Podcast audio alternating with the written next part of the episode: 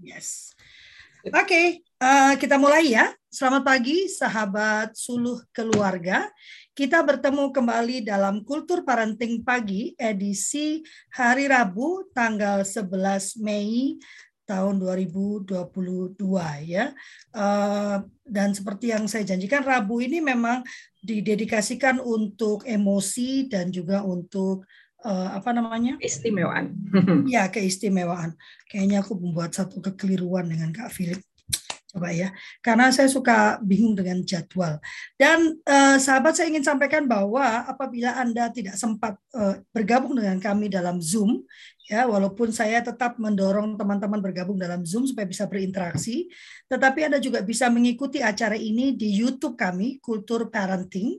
Dan juga kalau aduh kak YouTube-nya nggak sempet kak, aduh banyak ini banyak itu ya, uh, saya itu Bikin nyetir misalnya. Uh, uh, enggak gitu, saya nggak membiasakan ke YouTube kak karena anak-anak kan nggak boleh nonton YouTube gitu ya. Oh, bagus, nah kak. maka silakan anda membuka podcastnya. Puji Tuhan kemarin kak Deli sudah mengupload semua uh, Wah, sesi dari Kultur Parenting Pagi.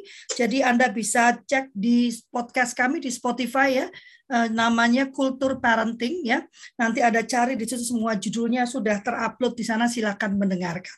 Dan pagi ini ya kita akan uh, bersama Kak Maria Hardono. Oh iya, aku salahnya Handono ya. Kak Maria Hardono, beliau seorang psikolog dan beliau mengajukan satu topik yang menurut saya sangat menarik ya, bicara tentang eh, aktif dan dan uh, hiperaktif. Aku, jadi aku yang mandu. Pagi ini yang mandu Teh Yanti. Kelamaan Teh Yanti muncul sih aku jadi. Silakan Teh Yanti. Oke. Oke, semangat pagi. Assalamualaikum warahmatullahi wabarakatuh. Salam sejahtera, salam sehat, salam kebajikan, Om Swastiastu, Namo Buddhaya, Rahayu, Rahayu, Rahayu. Wah, ini di Bandung masih dingin, katanya di Jakarta lagi panas-panasnya sekarang ya. Memang uh, ini apa ya? Uh, liburan baru saja usai gitu ya ada banyak rasa yang uh, mungkin masih masih tersisa gitu tapi intinya sih kita sudah akan memulai semua yang baik yang ingin kita tebarkan ke semesta ya terutama pada diri kita tentunya dan keluarga tercinta. Tema hari ini sangat menarik karena apa ya labeling adalah salah satu yang uh, apa ya cukup cukup keras disuarakan oleh para pegiat hak, hak anak untuk dihindari kita harus melindungi anak-anak kita dari labeling baik itu secara verbal apalagi dari uh, bahasa tubuh ya itu sangat menyakitkan dengan labeling-labeling yang uh, apa membuat tumbuh kembang kita. Orang-orang yang sekarang dewasa nih menjadi orang tua bagi anak-anak kemudian jadi lupa melakukan hal yang serupa bahkan lebih lebih apa ya saking banyaknya informasi yang diterima jadi lebih lebih dahsyat lagi sebenarnya labelingnya. Tapi anehnya gitu ya informasi banyak malah tidak tahu banyak gitu. Jadi yuk kita mulai nih. Setiap hari Rabu kita menyimak bagaimana sih uh, ahlinya berbicara tentang eh, hal-hal uh, yang bisa menyeret kita pada labeling yang uh, membunuh karakter anak sejak dini ya. Untuk kali ini Kak Maria Hardono, psikolog kita berbagi ilmu tentang bagaimana melihat aktif atau hiperaktif. Nah, lalu seperti apa nanti kita eh, bersikap agar setiap anak bisa tumbuh memperkuat eh, individualitasnya sehingga dia bisa meraih apa yang disebut sukses gitu ya di masa depan. Silakan Kak Maria Hardono. Terima kasih Kak Yanti. Selamat pagi. Kakak-kakak, Bapak Ibu, teman-teman, kakak-kakak aja lah ya biar lebih akrab. Salam kenal buat mungkin beberapa yang belum sempat uh, ikut join di kultur parenting uh, bulan-bulan sebelumnya bersama saya. Saya Maria. Terima kasih tadi perkenalannya Kak Yanti. Kebetulan saya adalah dosen dan juga uh, psikolog pendidikan yang cukup banyak nggak sengaja jadi uh, ketemunya parent yang punya anak-anak berkebutuhan khusus gitu ya dan hmm. memang benar banget ini pertanyaan yang uh, sering banget ya ditanya sama uh, para orang tua gitu anak saya begini begini begini ini aktif banget gitu. Ini hiperaktif nggak ya? ADHD nggak ya? Gitu. Banyak banget karena kan sekarang kalau kita lihat uh, Instagram atau YouTube TikTok bahkan pun banyak nih yang udah mulai sering nyebut-nyebut oh ini ADHD tuh kayak gini autism tuh kayak gini. Kalau ciri-ciri seperti ini oh ini depresi gitu gitu jadi semakin banyak informasi tadi memang akhirnya jadi semakin melebel dan semakin kayak kita merasa connect ke informasi itu janjian aku gini janjian aku gini itu gitu. Maka penting banget sebenarnya kita benar-benar dapat pemahaman yang pasti tentang apa sih cirinya gitu. Dan ini uh, bener enggak gitu. Dan sebenarnya yang paling paling tepat lagi sih kita nggak buru-buru melebel diri sendiri apalagi melebel orang lain. Tapi tanya dulu ya ke expertnya benar atau enggak. Karena buat kami para praktisi pun untuk menentukan ini sebenarnya apa itu prosesnya panjang dan susah banget gitu ya. Jadi nggak sesimpel ngelihat satu list gejala yang ada di Google itu nggak sesimpel itu gitu ya. Oke uh, biar nggak berpanjang-panjang lagi kita mulai dengan topik kita hari ini. Uh, aktif atau hiperaktif sih sebenarnya kalau uh, anak punya ciri tertentu gitu ya. Sebentar saya akan uh, share screen dulu. Atau nggak usah pakai share screen ya kita diskusi aja gimana nih kak Yanti dan kak pakai aja deh pakai share screen ya pakai ya okay. ada yang di screenshot oke okay. sebentar. Minta tolong kak Deli belum bisa. Ke host kak Deli sudah? Kak Deli mohon dijadikan co-host. Kak Delinya ini Bentar ya. Oke, kita ngobrol-ngobrol dulu sambil aja deh kita ya. sambil nunggu okay. ya. Nah, uh, mungkin dari kakak-kakak yang uh, hadir di sini udah uh, pasti familiar ya dengan istilah hiperaktif gitu. Boleh dong tolong mungkin uh, tulis di chat yang pernah ketemu atau pernah lihat uh, seseorang yang dicurigai hiperaktif itu kayak apa sih? Uh, penampakannya gitu atau cirinya?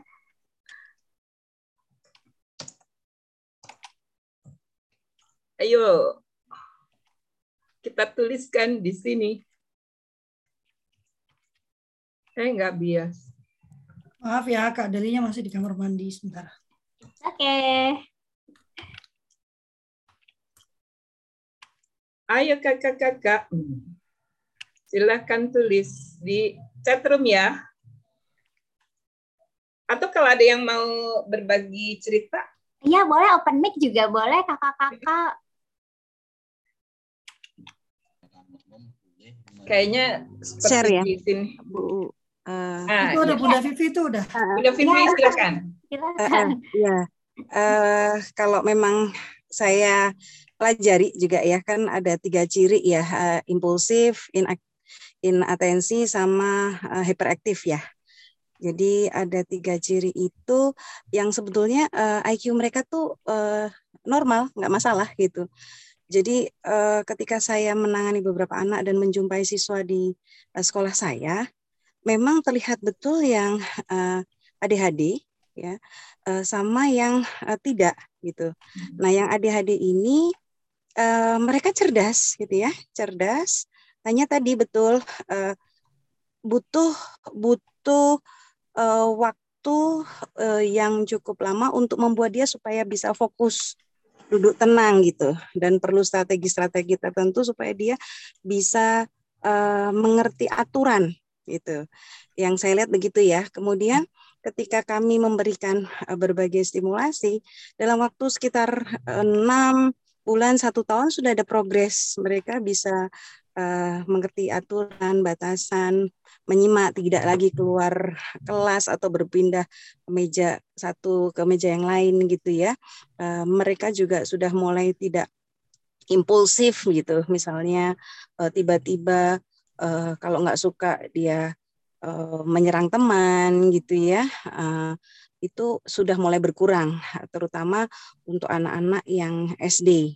Beberapa tidak perlu pakai farmakologi, tapi beberapa ada yang perlu. Akhirnya kami rekomendasikan ke dokter. Jadi mereka uh, punya ciri itu tadi uh, kurang bisa memusatkan perhatian dalam jangka waktu yang lama, terus impulsif, jadi kayak sulit mengelola kontrol dirinya ya, fisik maupun uh, emosi tadi. Uh, kemudian akhirnya dalam bergerak pun dia uh, belum bisa kontrol, yang kemudian disebut hiperaktif. Itu sih yang Oke, saya. terima kasih Bunda Vivi.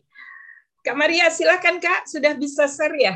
Oke, ya um, tadi Bunda Vivi langsung masuk ya ke yang udah disebut dengan gangguannya. Nah tadi kan ada tidak fokus, ada impulsif, ada hiperaktif gitu ciri-ciri. Hmm. Nah hari ini kita akan kupas lebih dalam tentang hiperaktifnya gitu ya. Oke, share screen-nya sudah tampak belum kak? Sudah, ini ciri uh, anak. Sudah, sudah. Nah, sip, thank you. Nah, ciri anak aktif ini yang perlu kita pastikan sebenarnya ini harapan semua orang tua ya orang tua tuh hmm. pengen anaknya aktif gitu nggak ada orang tua yang pengen anaknya pasif atau ada sih pernah saya pernah ketemu tapi ini jarang ya satu dua orang tua yang mereka tuh cenderung karena padat banget aktivitasnya banyak sekali urusannya malah komplain karena anaknya aktif gitu padahal sebetulnya uh, aktivitas itu kan menunjukkan kecerdasan ya menunjukkan bahwa uh, gitu ya. berpikir gitu kan. Kalau ada yang dipikirkan ada yang sedang dikerjakan itu aktif gitu. Justru kalau anak terlalu pasif biasanya kita khawatir ya jangan sakit jangan ada apa ya gitu. Dan banyak juga gangguan mental yang salah satu cirinya adalah inactivity. Jadi menjadi tidak aktif. Jadi buat hmm. kakak-kakak, hmm. kalau misalnya anaknya biasanya aktif, tiba-tiba jadi lebih pasif gitu, jangan terus seneng asik, lebih santai nih, nggak usah ngikutin gitu. Tapi justru harus mikir nih kenapa ya gitu biasanya. Ada apa aktif. gitu ya? Iya gitu, khawatir kita. Nah jadi ini kuncinya adalah beraktivitas sesuai tahap perkembangan. Nah ini yang saya selalu highlight banget ya kalau ke uh, orang tua tahap perkembangan itu penting banget kakak-kakak ya. Jadi um, pastikan kalau kita jadi orang tua, kita tuh punya pegangan teori tahap perkembangan. Nah, ini tuh gampang banget banget nyarinya di mana-mana udah ada sesimpel googling di IG di YouTube itu udah banyak banget yang share dan uh, yang perlu hati-hati juga pastikan sumbernya kredibel ya jangan gampang percaya kalau uh, yang share itu kita nggak tahu ini siapa sih dia ahli apa gitu. Karena ada aja sih gitu yang share tapi ternyata dia bukan uh, ahli di bidangnya gitu. Nah jadi uh, tahap perkembangan kayak misalnya kalau anak umur uh, satu tahun gitu, itu kan lagi belajar jalan. Berarti kalau dia merangkak ke mana-mana sampai berusaha naik turun tangga yang kita deg-degan ada jatuh gimana. Tapi itu sesuai tahap perkembangan nih jadi jangan khawatir gitu ya. Jadi pastikan uh, milestone perkembangan itu kakak tahu supaya uh, bisa yakin bahwa yang dilakukan anak ini uh, sesuai atau enggak sih gitu. Oke, nah yang berikutnya ada inisiatif. Jadi kalau misalnya tiba-tiba anak berpikir, ah aku mau coba manjat, ah ah aku mau coba eh, lompat-lompat, uh, ah lompat dari sofa ke lantai gitu. Atau lebih serem lagi ya, lompat dari meja makan lebih tinggi mau coba lompat ke ya, lantai betul. gitu kan. Nah ini inisiatif nih kakak-kakak kita perlu lihat dari angle itu gitu. Emang sih itu agak risk taking behavior ya sebenarnya resiko banget gitu lompat dari tempat tinggi. Tapi ini menunjukkan adanya inisiatif, adanya keingintahuan. Nah inisiatif dan keingintahuan ini tuh sebenarnya kalau uh, kita bisa bilang kunci untuk bisa belajar sesuatu hal yang baru gitu kan. Kalau misalnya nggak punya inisiatif nggak pengen tahu ya kan kita berhenti di situ-situ aja gitu. Jadi inisiatif ini juga ciri anak yang aktif. Nah dan yang berikutnya penting juga dia merespon gitu. Ada anak-anak yang udah lingkungannya kayak gimana dia be aja gitu. Jadi kan uh, lucu ya kalau misalkan dia udah disuruh apa-apa tapi dia diam aja dia pasif dia nggak mau ikutan gitu. Nah uh, itu perlu di, diperhatikan lagi gitu karena biasanya anak-anak tuh cukup mudah merespon gitu. Bahkan banyak anak-anak juga yang responnya tuh kadang-kadang kita malamnya nggak bisa biasa aja yang respon kenapa gini banget gitu tapi kalau dia masih merespon berarti dia peka sama lingkungan dia tahu dia punya ide kalau lingkungannya begini aku harus gimana Nah, nah ini sesuatu yang perlu sebetulnya dimiliki anak-anak. Jadi uh, ciri-ciri anak aktif ini harapannya sih semua anak tuh punya gitu. Nah, sebenarnya apa sih yang membuat anak itu bisa jadi aktif? Ini termasuk ya, nanti aktif aja atau jadi hiperaktif ini semua mempengaruhi. biologis tuh kayak kita uh, bicara tentang fungsi-fungsi organnya kayak gimana, kemudian kondisi tubuhnya kayak gimana, uh, dia fit atau enggak, ya ini uh, masuk ke faktor kesehatan juga ya. Tadi kan kalau kita sakit biasanya kita cenderung lebih pasif gitu. Nah neurologis ini tadi uh, sempat dibahas juga sama Kak Yanti, uh, Kak Lafri dan teman-teman bahwa sesuatu yang ada di otak. Jadi sumbernya ada di, di otak. Termasuk teman-teman kita yang pada akhirnya didiagnosa ADHD tadi udah dibahas banyak. Itu uh, kondisi otaknya tuh memang secara neurologis berbeda dari uh, otak orang-orang pada umumnya gitu. Terus kalau kita bicara tentang otak ya sebenarnya otak semua orang tuh beda kakak-kakak. Kalau kita lihat MRI atau potret dari uh, ininya aja deh bentuk fisiknya aja gitu. Itu tuh nggak ada yang sama persis gitu. Pasti ada perbedaan. Nah, otak itu kan kompleks banget. Nah, ternyata keaktifan ini juga dipengaruhi. Salah satu bagian yang cukup penting adalah uh, area prefrontal cortex di depan ya otak bagian depan gitu. Nah uh, di situlah banyak bagian-bagian uh, atau area-area yang mengatur kontrol perilaku, perencanaan, terus organizing gitu ya, mengelola segala macam uh, itu uh, dan termasuk juga pengambilan keputusan yaitu di area prefrontal cortex itu di bagian depan. Nah, biasanya uh, anak ini menjadi aktif atau sangat aktif ini kalau kita lihat dari otaknya memang susunan syarafnya terus aktivitas dalam otaknya itu ada yang berbeda gitu jadi uh, kita nggak bisa nih bilang bahwa ih anaknya aktif banget nih pasti orang tuanya nggak diajarin disiplin gitu kan suka ada uh, statement kayak gitu kadang-kadang atau uh, ini di rumahnya gimana sih nih kok anaknya nggak bisa diem banget gitu Padahal kalau misalnya kita ngobrol sama orang tua ya mereka tuh kayak setengah mati banget gitu ya untuk ngajarin anaknya ngontrol perilaku gitu. Kenapa bisa gitu? Karena memang uh, secara uh, neurologis mereka kondisinya berbeda gitu. Dan ini uh, kalau kita lihat brain scans juga ya kalau misalnya dia pasif itu juga bisa kelihatan di otaknya itu juga berbeda susunan syaraf dan sistemnya kayak gimana. Jadi itu mempengaruhi. Nah, kemudian kondisi lingkungan ini juga mempengaruhi. Jadi uh, kalau misalnya tadi kita bahas dari internal anak, nah dari eksternal juga bisa mempengaruhi.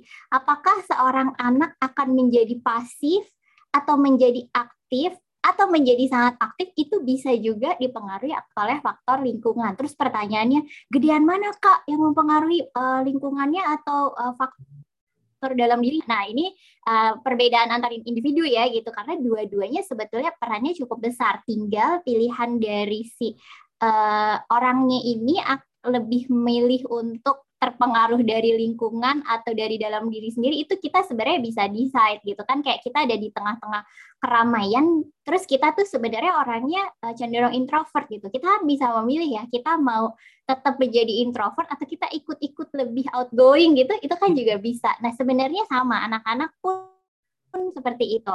Lingkungan pola asuh itu akan mempengaruhi. Kalau orang tuanya memang banyak memberikan stimulasi, memberi izin untuk anaknya mengeksplorasi rumahnya, dia cenderung akan aktif gitu. Uh, saya mau kasih contoh cerita mungkin ya, saya dan uh, salah satu saudara itu tuh beda banget uh, beda cukup banyak lah ya. Beda banget nggak banget juga sih. Pola asuhnya kandung gitu ya. Uh, iya cukup beda karena dia uh, kalau saya itu uh, ini kan anak-anak tuh beneran ya dia mau manjat mau apa tuh saya biarin gitu. Karena itu kan eksplorasi kan. Jadi anak saya tuh bahkan yang perempuan umur kayak satu setengah atau dua tahun itu itu udah berusaha banget untuk ngambil snack yang ada di lemari atas yang emang sengaja saya umpetin. Ntar dulu yang ini dibukanya belakangan karena yang kemarin belum habis gitu kan. Nah dia tuh udah uh, narik kursi belum okay. nyampe. Terus habis itu dia uh, berusaha untuk uh, manjat lebih tinggi lagi dan manjat lebih tinggi lagi umur satu setengah tahun dan saya di belakangnya cuman uh, sambil ya udah coba aja ambil gitu. Tapi saya di belakangnya sambil deg-degan terus berusaha ntar kalau dia jatuh saya tangkep gitu. Jadi itu kan akhirnya membuat anak saya sekarang yang perempuan udah umur empat tahun itu ya ampun ya. Kalau orang-orang pada bilang anak cewek apa cowok sih? Gitu. Nah itu salah satu uh, uh, contoh bentuk uh, kayak apa sih lingkungan bisa mempengaruhi. Sementara ada orang tua lain yang was-was kan, aduh nanti kalau jatuh gimana, nanti gimana. Jadi anaknya tuh dijagain banget dan akhirnya memang anaknya misalnya kita uh, kalau orang Jawa bilang diumbar gitu ya di uh, lapangan rumput gitu kalau anak saya udah ber, udah guling-guling mungkin udah lari-lari lompat-lompat dan berusaha naik tebing gitu kalau misalkan ada yang uh, apa suka ada menanjak gitu sudah lari gitu ke atas terus turunnya juga kayak uh, apa dengan santainya gitu. Sementara uh, saudaranya itu ragu gitu ya? takut. Ya? uh, ragu-ragu. Dia duduknya aku nanti aja aku nanti aja gitu. Jadi ayo ayo ini seru gitu. Iya iya aku nanti aja kayak gitu. Jadi uh, itu pola asuh yang berbeda itu memang bisa uh, membantu makanya untuk kakak-kakak yang mulai merasa aduh kayaknya anak saya kok sangat aktif gitu, jangan khawatir kita bisa kok melakukan sesuatu untuk membentuk perilakunya. Jadi lingkungan bisa berperan. Jadi walaupun nih susunan syarafnya, susunan otaknya mungkin udah given seperti itu ya nggak bisa melakukan apa-apa ya. Nggak kayak kalau kita luka dikasih obat terus besok sembuh gitu kan. Kalau udah di otak kita nggak lebih bisa bilang susah gitu kalau mau dia ngapain. Maka lingkungan ini bisa banget membentuk uh, perilaku anak nanti akan jadi gimana Oke, nah kapan sih kita perlu was-was? Ini sebenarnya ciri-ciri salah satu yang uh, kita jadikan acuan untuk bilang ini gangguan atau enggak gitu. Si aktifnya ini udah uh, masih biasa aja, masih bisa ditoleransi atau udah bisa kita bilang sebagai disorder. Harus memenuhi semuanya ini baru kita bisa bilang ini mengganggu atau uh, sebuah penyakit ya gitu mungkin orang banyak familiar tapi saya nggak terlalu suka sih dengan istilah penyakit.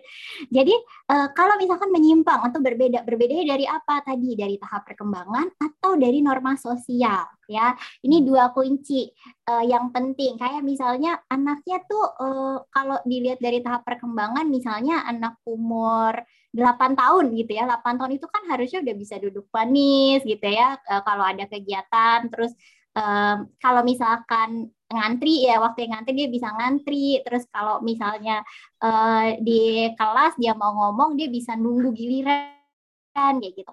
Nah suatu kali ada di sebuah pesta di mana emang uh, ini nggak ada aturan gitu. Terus tiba-tiba anak itu jadi lari sana lari sini terus uh, nggak mau apa serabat serobot tapi ini terjadi hanya di konteks itu gitu. Nah, karena konteksnya adalah konteks emang lagi nggak ada aturan, perilaku kayak gitu kan biasa aja ya wajar gitu. Tapi kalau kita lihat dari tahap perkembangan, ya ini udah nggak wajar, masa nggak ngantri anak umur 8 tahun, misalnya kayak gitu. Nah, jadi ini harus uh, lihat bahwa kita bisa bilang ini sebuah gangguan kalau kalau memang berbeda dan menyimpang tapi terjadinya juga uh, di dalam konteks yang berbeda-beda gitu nggak cuma dalam satu situasi aja gitu. Nah terus ini menunjukkan menimbulkan stres atau menunjukkan bahwa anaknya justru yang stres. Jadi bisa aja yang stres lingkungannya atau anaknya gitu ya. Ini kita bisa mulai was-was gitu. Jangan-jangan ini uh, gangguan ini bukan aktif biasa nih gitu Nah, lalu mengganggu fungsi sehari-hari. Jadi misalnya anaknya ini aktif banget sampai dia tidak bisa mengerjakan tugas, dia nggak bisa uh, mengikuti kegiatan di sekolah. Kalau misalnya dibawa ke mall gitu misalnya terus bikin jadi uh, situasi di mall itu gaduh gitu, mengganggu orang lain gitu ya. Nah, ini kita uh, bisa berpikir jangan-jangan ini masalah nih, nggak hanya aktif biasa gitu. Nah, yang terakhir adalah membahayakan diri sendiri dan orang lain kayak uh, misalnya nih eh, sering banget melakukan perilaku perilaku berisiko kayak tadi saya kasih contoh mau lompat dari meja yang cukup tinggi ke lantai. Kalau sekali mungkin dia pengen tahu aja kayak apa sih lompat uh, tinggi-tinggi begini. Tapi kalau setiap hari dilakukan gitu itu kan membahayakan diri sendiri gitu ya. Nah ini kita bisa berpikir nih jangan-jangan masalah dan juga membahayakan orang lain karena ada gangguan-gangguan uh, yang dia tidak terlalu membahayakan diri sendiri, tapi dia merugikan orang lain. Nah, ini kita perlu was-was nih kalau menunjukkan keempat ciri ini. Terus kalau cuma salah satu ciri gimana kak? Gitu ya, tetap aja sih sebaiknya kalau sudah menunjukkan salah satu ciri-ciri, misalkan menyimpang nih dari tahap perkembangannya, nah sebaiknya ditangani segera gitu ya. Mungkin bukan uh, kita nggak bisa label dia sebagai uh, gangguan punya gangguan A gangguan B gitu enggak tapi tetap aja kalau misalkan menunjukkan salah satu ciri kita bisa treat kita lakukan penanganan ya cirinya akan hilang akhirnya uh, dia akan bisa berfungsi dengan baik Nah, ini dia yang ditunggu ya. Jadi, apaan sih hiperaktif ini gitu ya? Nih, kuncinya sangat aktif dalam berbagai konteks dan konsisten. Jadi terjadi aktif bangetnya itu ada di sekolah, di rumah, uh, mungkin di masjid atau di gereja gitu ya, di mall, di pesta, di acara sembayangan gitu, pokoknya di mana-mana gitu ya. Itu aktif dan konsisten. Konsisten tuh kayak dari pagi sampai malam itu aktif aktif terus. Nah, biasanya tuh kalau anak-anak hiperaktif tuh seperti itu. Bahkan sampai uh, ketika dia mau tidur aja tuh susah banget untuk bisa uh, fall asleep gitu. Susah banget kayak udah ngantuk, udah nguap-nguap tapi nggak tidur-tidur gitu. Itu salah satu uh, ciri kalau memang hiperaktif. Kemudian ini biasanya munculnya di di anak-anak juga sih, tapi nggak nggak terlalu tampak. Tapi kalau kita ke orang dewasa yang memang udah terdiagnosa ADHD gitu ya, itu tuh kalau kita tanya uh, apa sih yang ada di pikiran kamu gitu dia tuh kayak duh gue tuh kalau nggak ngapa-ngapain tuh bingung gitu ya. Kalau nggak ada yang dikerjakan tuh kayaknya waktu tuh sia-sia gitu ya. Jadi merasa bersalah kalau uh, pasif itu kayaknya bukan aku banget dan kayaknya salah gitu ya kalau nggak ngapa-ngapain gitu. Jadi nah kalau di orang dewasa itu uh, biasanya perilaku aku yang kita lihat ya kayak kalau duduk tuh kakinya goyang-goyang gitu ya atau misalkan suka bermain dengan alat tulis gitu-gitu ya. Nah, kemudian eh, ada kesulitan untuk mengelola energi ya. Jadi eh, anak-anak atau juga orang dewasa yang aktif itu sebetulnya mereka punya energi yang banyak gitu. Jadi eh, kayak kalau misalkan eh, kita ngomongin baterai, ada kan baterai merek-merek biasa aja yang ya mungkin dalam uh, kita pakai sebulan terus dia mati gitu. Tapi ada baterai-baterai merek lain yang sampai tiga bulan sampai enam bulan tuh nggak habis-habis gitu. Nah kira-kira yang hiperaktif itu seperti itu, energinya tuh banyak banget gitu.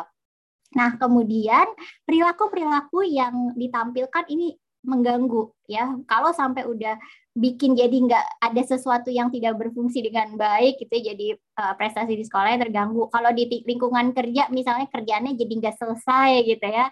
Nah ini uh, bisa jadi hiperaktif gitu. Nah dan juga uh, yang perlu kita ingat uh, hiperaktivitas ini tidak hanya terjadi di anak-anak ya. Ini uh, lagi banyak lagi banyak yang ngomong gitu ya teman-teman psikolog uh, baru banyak menemukan ternyata banyak juga orang dewasa yang hiperaktif yang ADHD gitu akhirnya didiagnosanya gitu karena uh, tadi masalahnya kan ada di neurologi ya ada di otak hmm. gitu sehingga ini akan uh, berlanjut sampai dewasa gitu cuman uh, ciri-cirinya udah tidak seperti anak-anak gitu kan. Anak-anak kan tadi mungkin kalau hiperaktif lari, manjat, jalan-jalan padahal harusnya duduk gitu-gitu. Kalau di dewasa ya udah nggak manjat-manjat lagi, tapi ya tadi uh, di di apa ketika harus duduk itu dia kayak nggak bisa bertahan lama gitu. Harus sambil melakukan sesuatu gitu ya. Dan salah satu cirinya juga mereka biasanya uh, punya masalah kesehatan mental gitu. Ya tadi karena ada rasa bersalah kalau nggak aktif gitu. Nah, berikutnya apa yang bisa kita lakukan gitu ya? Nah, kalau misalkan kita punya energi yang banyak, maka energinya perlu digunakan. Ya, energi itu kan tidak bisa dihilangkan ya, cuman bisa berubah wujud gitu. Itu kan prinsipnya. Maka eh, orang-orang yang hiperaktif, yang energinya banyak ini perlu dibantu untuk diarahkan energinya mau dipakai buat apa gitu. Salah satu uh, tips yang uh, sering diterapkan juga di sekolah-sekolah ya kalau punya anak yang beraktif itu disarankan sebelum masuk pelajaran anaknya olahraga dulu misalnya lari keliling lapangan lima kali 10 kali gitu ya dan ini juga selang-seling bisa uh, makanya salah satu juga yang biasanya psikolog sarankan kalau ada anak hiperaktif masuk sekolah nih nih boleh nggak dia misalnya setiap setengah jam atau satu jam sekali keluar dari kelas untuk lari gitu. Kenapa lari? Lari lari paling simpel sih. Sebenarnya nggak harus lari, tapi apa pun kegiatannya lompat, atau merangkak gitu ya itu bisa supaya energinya terkuras gitu. Supaya uh, kalau energinya udah cukup terkuras dia akan lebih mudah untuk duduk dan fokus biasanya gitu. Nah kemudian yang terakhir terapi. Ya terapi ini kalau untuk anak-anak yang hiperaktif terutama yang masih usia perkembangan itu kan mereka kan uh, ini ya masih merasa aduh punya tenaga banyak tapi nggak tahu nih harus diapain gitu. Terus nggak tahu gimana caranya sih untuk mengontrol gimana sih caranya untuk fokus. Nah terapi ini bisa membantu gitu ya terapi sensor integrasi terapi perilaku dan terapi-terapi lainnya sesuai dengan hasil assessment gitu. Sebenarnya butuhnya terapi yang mana gitu. Nah ini beberapa tips yang bisa dilakukan.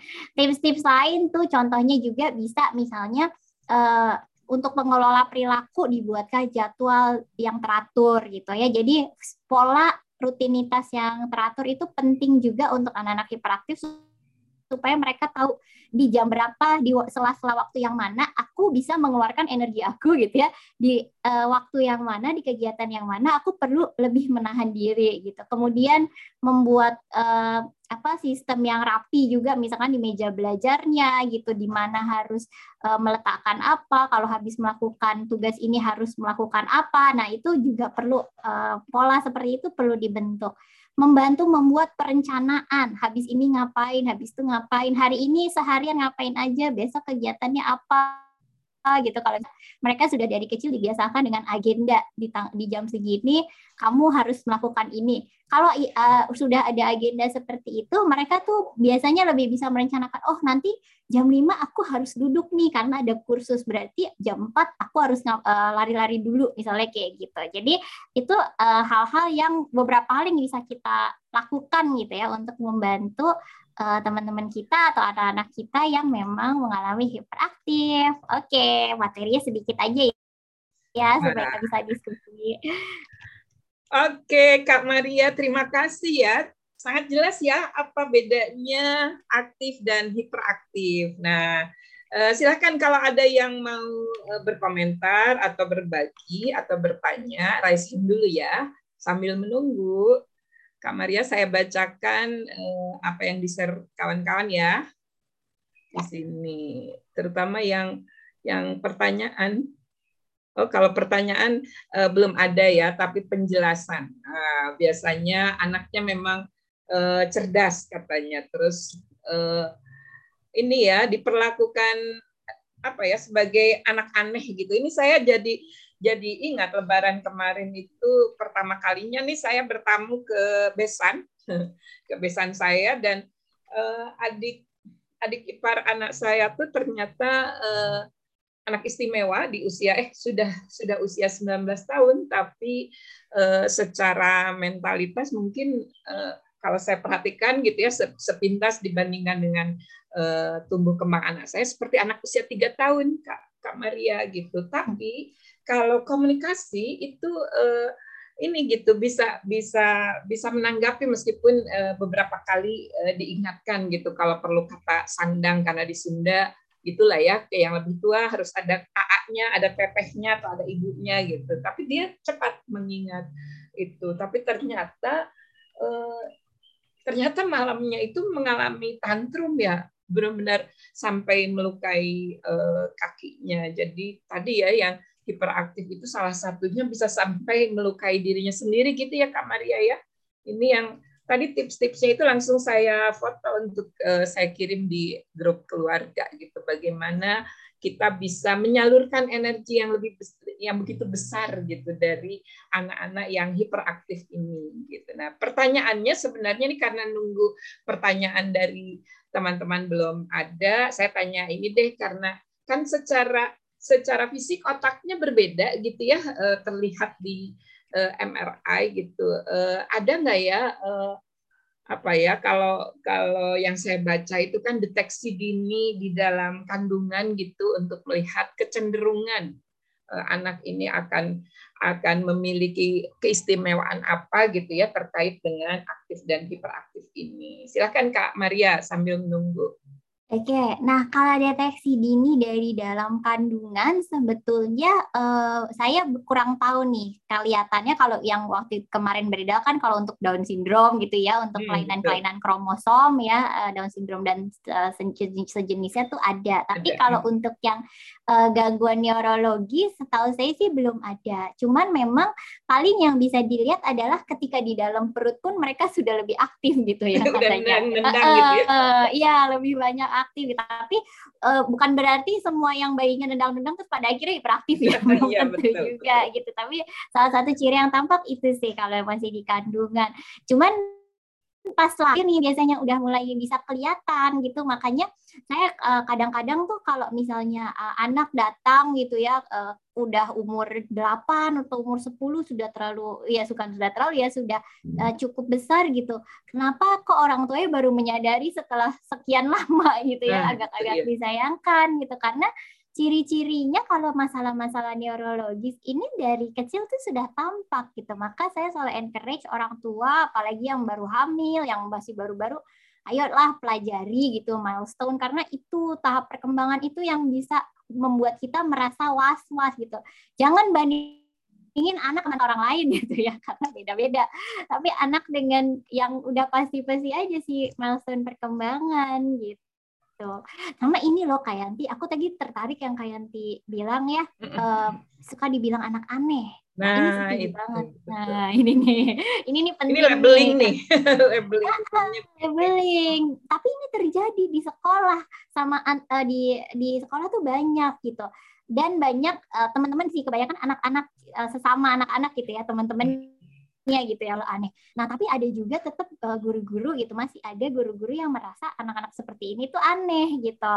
Nah makanya uh, itu yang menyebabkan banyak dari mereka yang mengalami hiperaktif ini atau gangguan-gangguan psikologis lainnya akhirnya yang tadinya masalahnya cuma hiperaktif jadi punya masalah kecemasan, depresi hmm. kayak gitu karena kan dapat label ya kan di label aneh.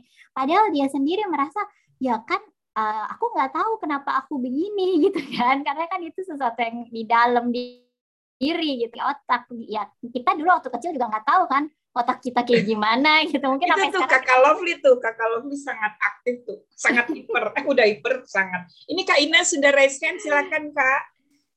Aduh selamat ya uh, ini jadi ibu dari anak istimewa yang luar biasa. Silakan Kak Ina. Masya Allah, Masya Allah. Iya, Assalamualaikum warahmatullahi wabarakatuh. Waalaikumsalam. Waalaikumsalam. Oh, Masya Allah, benar banget tuh kata Kak Yanti tadi. Uh, kita harus bahagia memiliki kesempatan untuk uh, mendidik mereka karena tidak semua orang tua itu memiliki keistimewaan untuk memiliki anak-anak seperti ini ya kak ya. Iya, seperti itu. Itu saya mau ini aja sih uh, sharing sedikit Kak Maria. Uh, kalau semisalnya anak itu uh, mendengarkan label dari orang, apakah kita itu harus menceritakan kondisinya seperti apa? Karena kan memang anak saya yang bernama Gasan usia 8 tahun itu paham dengan kondisinya dia itu aku anak ADHD, aku gini, aku gini, aku gini ya, itu bahkan ya. sampai terlontar uh, apa ada omongan orang yang mengatakan dia itu aneh, bahkan ada juga yang mengatakan secara langsung kepada dia kamu anak cacat kayak gitu. Yang berlinang air mata ya ibunya. Kalau dia karena kami itu muslim ya dia itu selalu bilang jangan sedih mah nanti pahala orang itu kan buat aku dan dosa aku untuk dia. Masya hmm. Allah. Ya seperti itu. Bagaimana gitu loh saya uh, memberitahukan ke dianya gitu loh supaya bagaimanapun juga yang namanya orang ya uh, pasti takutnya ada memori ingatan bahwa aku dikatakan cacat, aku dikatakan gila, juga karena aneh. Bagaimana cara bicara ke dianya di usia yang masih kecil ini gitu loh. Seperti itu. Terima kasih ya Kak Maria. Oke, Kak. Ya, terima kasih Kak Ines pertanyaannya. Nah, ini ini kayaknya uh, banyak banget ya nih yang ngalamin. Memang uh, ketika kita punya anak spesial itu karena masyarakat kita memang masih banyak stigma gitu ya. Jadi hmm. emang kita nggak pernah bisa lepas nih sama label-label dari orang gitu. Nah, memang sebetulnya kalau yang uh, baik. Dan ini kalau memungkinkan ya saya menyarankan supaya uh, kakak-kakak yang punya anak spesial ini memang me menjelaskan sejak dini tentang kondisi dia gitu. Jadi dia uh, anak itu tahu dengan persis. Jangan sampai dia tahu dari orang lain gitu. Jangan sampai dia baru merasa dia ketika orang melebel gitu. Tapi uh, sudah tahu gitu oh ternyata aku memang berbeda nih. Nah cuman gimana nih cara kita menyampaikan supaya anaknya baik-baik aja kan? Khawatirnya kalau salah ngomong jadinya malah jadi masalah nih gitu ya. Memang jadi citra buruk gitu ya. nah ya. jadi citra buruk jadi minder jadi nggak pede. Aku ya. aneh aku bisa nggak sekolah di sini? Nanti malah gitu lagi. Jadi uh, kita membentuk yang namanya konsep diri dari dini dari kecil ya umur berapa ya satu setengah tahun sudah mulai bisa sih sebenarnya dari bayi pun ini bisa kita biasakan gitu. Hmm. Membentuk konsep diri yang positif itu gimana? Sesimpel kita um, memaparkan ke anak dari awal hal-hal positif yang ada di diri dia gitu. Jadi sering-seringlah mengapresiasi anak ya. Kalau kita bisa membiasakan diri untuk mengapresiasi anak dalam hal kecil, dia mulai bisa merangkak maju, kita ih kamu udah bisa merangkak gitu ya. Dia baru uh, bisa megang sendok, wah kamu sudah betul pegang sendoknya gitu. Kita lebih banyak fokus ke situ daripada kita uh, bilang kok tumpah-tumpah sih makannya gitu ya. Jadi kita fokusnya sama hal baik yang sudah dia lakukan. Ini satu cara untuk membentuk konsep diri. Jadi konsep dirinya dibentuk dulu nih positif yang bagus-bagus. Nah, kemudian di usia-usia 3-4 tahun itu kan mereka mulai aware dengan dirinya dan bisa mulai melihat perbedaan dirinya dengan orang lain. Nah, di sinilah kita masuk menjelaskan tentang uh, apa sih yang membedakan dia dengan orang lain gitu. Misalkan tadi dia ADHD gitu. Kita bisa jelaskan gitu, uh, kamu punya tenaga yang lebih banyak dari teman-teman kamu gitu. Makanya kamu lebih susah untuk duduk gitu, lebih pingin bergerak gitu. Jadi kita jelaskan dengan bahasa anak-anak gitu. Nah, uh, itu bukan salahnya kamu gitu. Ingat-ingat, ini adalah hadiah dari Tuhan gitu ya. Memang diberikan dengan kondisi seperti ini. Dan kalau anak-anak biasanya kalau dikasih yang abstrak ya kita diciptakan ada tujuannya segala macam belum bisa masuk tuh ya. Padahal sebenarnya kan berat. iya terlalu berat. Tapi sebenarnya kan memang begitu gitu. Semua lah ya dari iya hadiah ada maksudnya. Memang semua orang diciptakan berbeda. Nggak ada orang yang sama persis. Dan pemaknaan bahwa kebutuhan khusus itu adalah bagian dari keragaman. Sekarang kalau kita lihat orang-orang semua orang tuh punya kelemahan dan kelebihan. Itu yang kita perlu kasih lihat. Dan kalau untuk anak-anak mungkin perlu juga orang tua tuh bilang ya uh, mama kelemahannya ini ini. Kelebihannya ini mama bisa ini tapi mama nggak bisa itu gitu. Jadi dia akan merasa dia sama dengan orang hmm. lain. Oke okay, berarti aku bisa ini tapi aku nggak bisa itu. Orang lain bisa ini tapi orang lain nggak bisa itu gitu. Nah hmm. sama halnya ketika dia mendapatkan label gitu ya. Eh, dibilang aneh dibilang apa gitu kan. Di uh, ingat-ingat lagi coba ingat-ingat. Kamu punya kelebihan apa? Kamu punya kelemahan apa? Sama orang yang bilang kamu aneh, bilang kamu cacat, sebenarnya dia juga punya kelebihan dan punya kelemahan gitu. Jadi sama aja. Nah, yang berikutnya adalah bagaimana ketika dia mendapatkan label itu gitu. Nah, kita bisa uh, ajak anak-anak ya, tapi ini mungkin yang agak lebih besar yang udah bisa mungkin udah TK uh, eh, atau SD SD awal kelas satu kelas dua tuh udah bisa tuh kita tanya kamu uh, misalkan dia punya sepupu atau dia punya teman dekat siapa ya misalkan namanya uh, Vika gitu. Coba deh kalau menurut kamu Vika orangnya kayak apa gitu. Terus dia kan akan menyebutkan ya oh Vika tuh anaknya gini, anaknya gitu gitu. Nah, kamu nggak uh, bilang dia seperti itu kan karena itu yang kamu lihat gitu kan. Kamu lihat dia seperti itu, tapi dia benar seperti itu dan dia selalu seperti itu enggak belum tentu loh gitu kan. Nah, di situlah dia akan uh, kita ajak untuk merefleksikan bisa uh, orang yang bilang kamu aneh ya dia kebetulan melihat kamu seperti itu dan menurutnya itu aneh. Jadi itu kita memberitahu bahwa itu adalah sudut pandang orang gitu hmm. yang belum tentu kamu kan nggak setiap hari aneh gitu.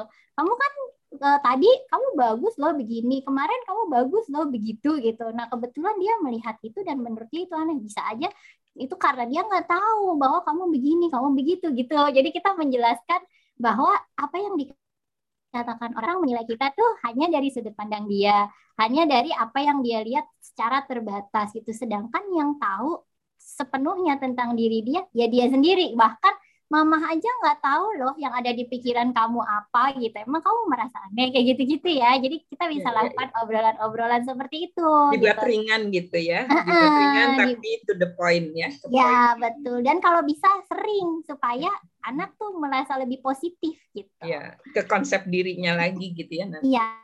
Oke okay, Kak, Kak Maria ini ada dari Kak Putri nih. Iya anak yang ADHD lebih dibilang aneh, sama sebenarnya seperti yang tadi dan berisik kata temannya. Untuk mencegahnya, wah ada tipsnya kah Kak? Nah, ini eh, kelihatannya terkait energi anak itu ya. Yang berikutnya dari Kak Siti, wah ini cucunya nih. Kalau cucu saya umur lima tahun, omongannya banyak, tapi bicaranya masih cedal, nggak jelas. Kalau dibetulin nggak mau biasanya terus mengalihkan perhatian atau menjerit. Bagaimana harus memperbaikinya? Semoga ada solusinya. Waktu kecil pernah terapi, tapi karena sekarang punya adik, jadi ibunya nggak sempat lagi nganterin ke dokter.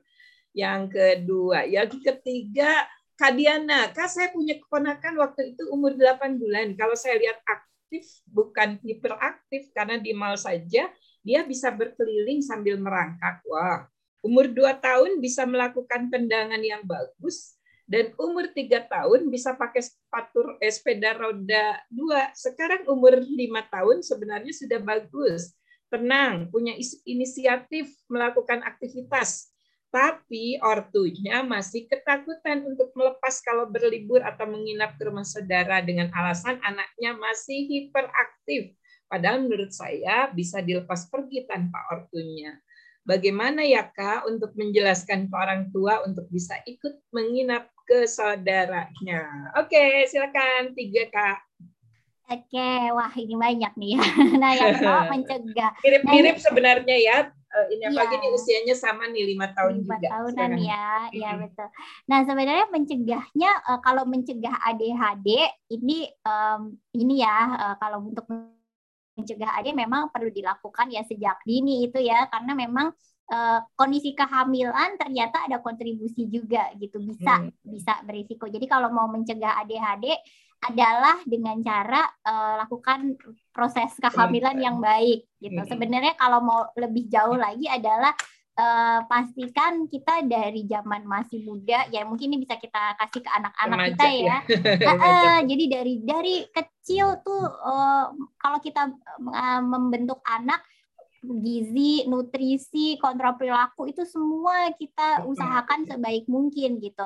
Termasuk nanti uh, masalah alkohol, obat-obatan segala macam kan itu uh, yang dikonsumsi kita anak-anak dari umur-umur 5, 10, belasan tahun akan berdampak nanti dewasanya gitu. Maka kalau mau mencegah ya itu pola hidup yang baik dan benar itu sejak dini supaya uh, kemungkinan untuk melahirkan anak dengan gangguan itu semakin kecil gitu. Nah, untuk mencegah labeling, nah ini sebenarnya susah ya karena uh, ini ya. masih pola di masyarakat, masih iya. stigma yeah. di masyarakat gitu. Kalau misalkan cuma lingkup sekolah atau lingkup keluarga aja kecil, gimana sih supaya kita nggak saling melabel di keluarga itu masih mungkin dilakukan ya dengan tadi fokus selalu fokus ke hal-hal yang positif, mengapresiasi hal yang baik gitu. Itu akan pelan-pelan akan melunturkan labeling gitu. Kalau kita terbiasa untuk melabel dengan yang baik orang dengan yang baik-baik kan labeling negatif lama-lama akan hilang sebetulnya. Jadi uh, mungkin yang lebih uh, perlu adalah apa yang harus dilakukan gimana caranya handle ketika labeling itu terjadi supaya ketika di label jangan sampai menimbulkan masalah kesehatan mental atau masalah besar lainnya gitu. Nah, kemudian tadi masalah bicara ya, nih lima ya. tahun. Uh, masalah bicara cedal. Nah ini kita harus cek sih sebenarnya kalau cedal itu apakah ada kelainan biologis. Jadi lah rahang, lidah gitu ya perlu dilihat gitu. Kalau misalnya ternyata uh, masalahnya ada di uh, lidahnya atau di rahangnya, nah berarti penanganannya ke arah situ gitu. Ada treatment-treatment uh, untuk uh, supaya fungsi-fungsi organnya lebih baik gitu. Nah, tapi kalau ternyata tidak ada masalah di organ, berarti masalahnya psikologis ya. Mungkin dia cedal tapi ini uh, tidak dibetulkan atau cara meralatnya cara kita membetulkan yang salah sehingga anaknya bete gitu. Nah itu uh, bisa nih dilakukan secara psikologis. Berarti ketika kita mau uh, memperbaiki apalagi lima tahun ini udah mulai membentuk soft concept dia sendiri udah tahu nih kayaknya orang-orang udah tahu kalau aku ngomongnya aneh gitu. Dia udah punya pikiran kayak gitu. Maka misalnya dia uh, ngomongnya salah kita meralatnya gini um, misalkan dia bilang uh, apa ya yang ada cedalnya uh, susu misalnya. Susu dia masih biru gitu. Terus uh, om pang eh om atau tante aku mau minum tutu gitu misalnya. Terus kita oh maksud kamu susu gitu ya? Kita membetulkan seperti langsung, itu ya? ah, mengkoreksi langsung. Bukan kita bilang dia yang salah enggak gitu. Hmm. tapi yang benar ngomongnya susu loh gitu ya. Sebenarnya message itu itu uh, bisa tuh dilakukan gitu ya. Jadi caranya seperti itu. Dan ketika dia menunjukkan usaha untuk memperbaiki apresiasi, apresiasi. gitu. Jadi kuncinya selalu apresiasi ya kayaknya. Untuk membentuk perilaku tuh apresiasi uh. itu uh, penting banget gitu ya. Jadi um, gimana cara kita menyampaikan kesalahan anak gitu bahwa kamu salah itu ya bukan langsung tapi itu tadi dengan hati-hati dan pelan-pelan dan lebih positif. Gitu. Nah, yang berikutnya yang ini yang keponakannya Kak Diana. Iya. Nah, ini kan uh, orang tuanya nih ya berarti ya yang fear-nya berlebihan gitu ya. Nah, sebenarnya sih uh, dengan menunjukkan fakta-fakta gitu ya. Jadi ojek ngobrol orang tuanya uh, beritahu bahwa uh, ini anak tuh bagus loh gitu. Kasih uh, mungkin disejajarkan dengan si milestone perkembangan. Jadi data ya kita bicara nggak cuma kata orang tapi uh, kata faktanya begini. Jadi uh, anak ini udah menunjukkan tahap perkembangan yang sesuai dengan usianya gitu. Itu bisa disampaikan ke tua. Kemudian bisa juga orang tua oh disadar oh, anak ini udah mengalami banyak progres. Coba inget-inget deh. Dulu kan dia dua tahun begini tiga tahun begini. Sekarang dia udah bisa begini loh gitu. Dan mungkin uh, bisa juga prosesnya pelan-pelan. Misalkan nginep gitu ya bareng-bareng. Orang tuanya ikut deh misalnya. Tapi coba deh uh, kasih kesempatan ya udah deh satu jam aja gitu uh, dia sama aku gitu sama sama tante gitu nggak usah sama mama papanya gitu. Satu jam aja nanti aku kasih tahu kalau misalkan dia kenapa-napa gitu. Kalau dia udah bisa berani melepas satu jam lama-lama tiga jam lama-lama enam jam lama-lama hari berani gitu. Jadi mungkin pelan-pelan dulu bertahap gitu. ya. Uh, uh, bertahap. Dan ditujukan bukti nggak apa-apa loh satu jam dua jam dia baik-baik aja loh gitu Ah, ini ada dari Kak Ida Instalive yang di-share oleh Kalofri. Kalau yang langsung explore di rumah orang, bahasanya di atas usia dia, apakah ini hiperaktif? Wah, ini tanda kecerdasan lain nih, Kak Maria. Ya, nah belum tentu ya, belum tentu kalau dia menunjukkan satu ciri gitu ya langsung explore gitu itu hiperaktif atau enggak belum tentu balik lagi ke tadi yang sudah di share perilakunya perlu konsisten dan perlu ber, uh, terjadi di hampir semua iya, konteks ya, kehidupannya gitu. Jadi kalau itu terjadinya hanya tiba-tiba pada saat itu dia langsung ekspor mungkin emang ada yang menarik di rumah itu gitu kan. Tapi kalau misalkan ini setiap hari di mana aja dia kayak gitu nah itu baru silahkanlah dibawa ke expert untuk diakses lebih lanjut. Ini sudah jam 8 lewat uh, menit. Kak Maria mungkin Eh, kita batasi ya. Udah selesai kok pertanyaannya. Silahkan closing Kak untuk uh, mengarahkan bagaimana kita bisa membedakan aktif hiperaktif dan bagaimana mencegah tadi hal-hal yang tidak kita inginkan ya. Oke, mungkin sebagai penutup saya mengingatkan aja ke kakak-kakak, para parents bahwa aktif itu adalah suatu hal yang baik gitu. Dan untuk kita melihat hiperaktif uh, ini aktif biasa atau hiperaktif memang tidak mudah dan tadi ya banyak uh, ciri-cirinya, ada kunci-kuncinya yang perlu diperhatikan. Jangan sampai kita melebel anak padahal itu bukan hal yang sebenarnya karena ini akan berdampak lain lagi nanti ke depannya.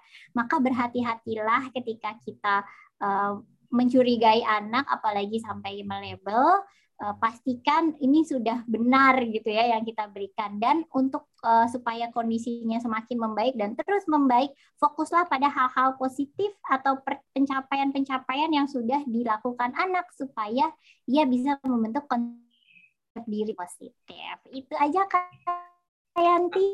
Oke, terima kasih banyak Kak Maria. Kita beri aplaus ya. Boleh boleh langsung bisa online ya diklik saja. Terima kasih. Ini ilmu yang luar biasa ya. Pagi-pagi kita sudah disuguhi pengetahuan yang uh, lengkap untuk dasar kita melakukan pemenuhan dan perlindungan anak kita paling tidak di rumah, di rumah dulu ya, agar anak kita memiliki konsep diri yang positif dan siap untuk uh, apa ya bersosialisasi langsung di mana pun dia berada dalam konteks apa pun gitu. Nah, untuk terima lebih kasih banyak Kak Yanti. Terima ya, kasih sama-sama. Aku silakan nih. Kak Deli mengingatkan kita untuk mengisi absen nih untuk mendapatkan info kegiatan parenting kami yang uh, sangat uh, bejibun banyak ya. Uh, kita beruntung sekali nih dibantu oleh Kak Deli dan Kakak Lovely memberikan pelayanan terbaiknya ya. Kita punya agenda selama satu bulan penuh ini, silahkan ajak-ajak dan gabung juga di komunitas seluruh keluarga agar nanti materi yang tadi disampaikan Kak Maria juga bisa kita dapatkan di uh, grup uh, WA seluruh keluarga ini ya. Uh, formnya tinggal diklik saja langsung bagi yang belum, bagi yang ingin uh, memperpanjang. Aduh, kayaknya kita sudah lebih dari satu tahun soalnya ya uh, kultur parenting ya. Kak Lovely. Silakan Kak Lovely, terima kasih ya kakak semua. Ini luar biasa buat saya sambil eh, gini-gini uh, karena dingin sekali di, di Bandung ini. Jam 8 lewat 6 uh, menit. Silakan Kak Lovely. Yang kepanasan, yang kedinginan sombong ya sementara di Jakarta. ini kedinginan ini dari tadi gerak-gerak. AC-nya, AC-nya dipenuhin karena panas di sini, tapi mendung sih gitu ya. Kak Maria itu sih uh, aku banget dan anak-anak waktu anak-anak kecil tuh uh, dua anak saya itu kalau ngumpul pasti sudah disebutnya anak anak dit gitu ya anak uh, waduh anak ini muncul gitu ya. Uh, tapi menarik sehingga saya memutuskan untuk tidak terlalu sering berinteraksi dengan mereka. Karena yang saya pentingkan tuh citra diri ya uh, jadi supaya mereka tahu. Jadi kalau sekarang malah anak yang bilang mama ngapain heboh? Ya pantas mereka nggak suka mama. Kita kan orang aneh. Ya kalau dia nggak paham ya pantas lah orang nama juga kita orang aneh gitu. Kadang-kadang saya masih suka kesel kan kenapa ya kok dia benci sama mama? Ya namanya juga kita orang aneh. Eh, nggak sulit buat dia mengerti apa yang kita lakukan. Ya sudahlah biarin aja gitu ya. Eh, dan itu kesadaran tuh muncul di kelas kelas berapa teh? Kelas 5 ya kelas 4 atau kelas ya. 5 ya Raka ya? Uh, mulai bertanya sudahlah nggak usah di nggak usah disampaikan aku tahu kalau aku aneh gitu ya dan saya memakai kata unik itu tadi persis seperti yang Kak Maria sampaikan saya memakai kata unik terutama setelah tua baru saya disampaikan oleh dokter Trigun bahwa saya ini sebetulnya ADHD gitu kan. Pantesan anak-anaknya ADHD. Kalau orang lain stres saya bahagia banget. Oh, pantes ya.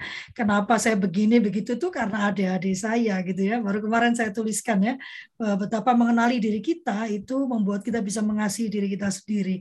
Ya, terima kasih banyak Kak Maria. Kita mau ada pelatihan-pelatihan loh dengan Kak Maria ya uh, ada dua pelatihan yang akan dilakukan uh, dan sengaja kita akan mulai di bulan depan. Bulan depan tuh ada banyak pelatihan yang akan muncul di seluruh keluarga.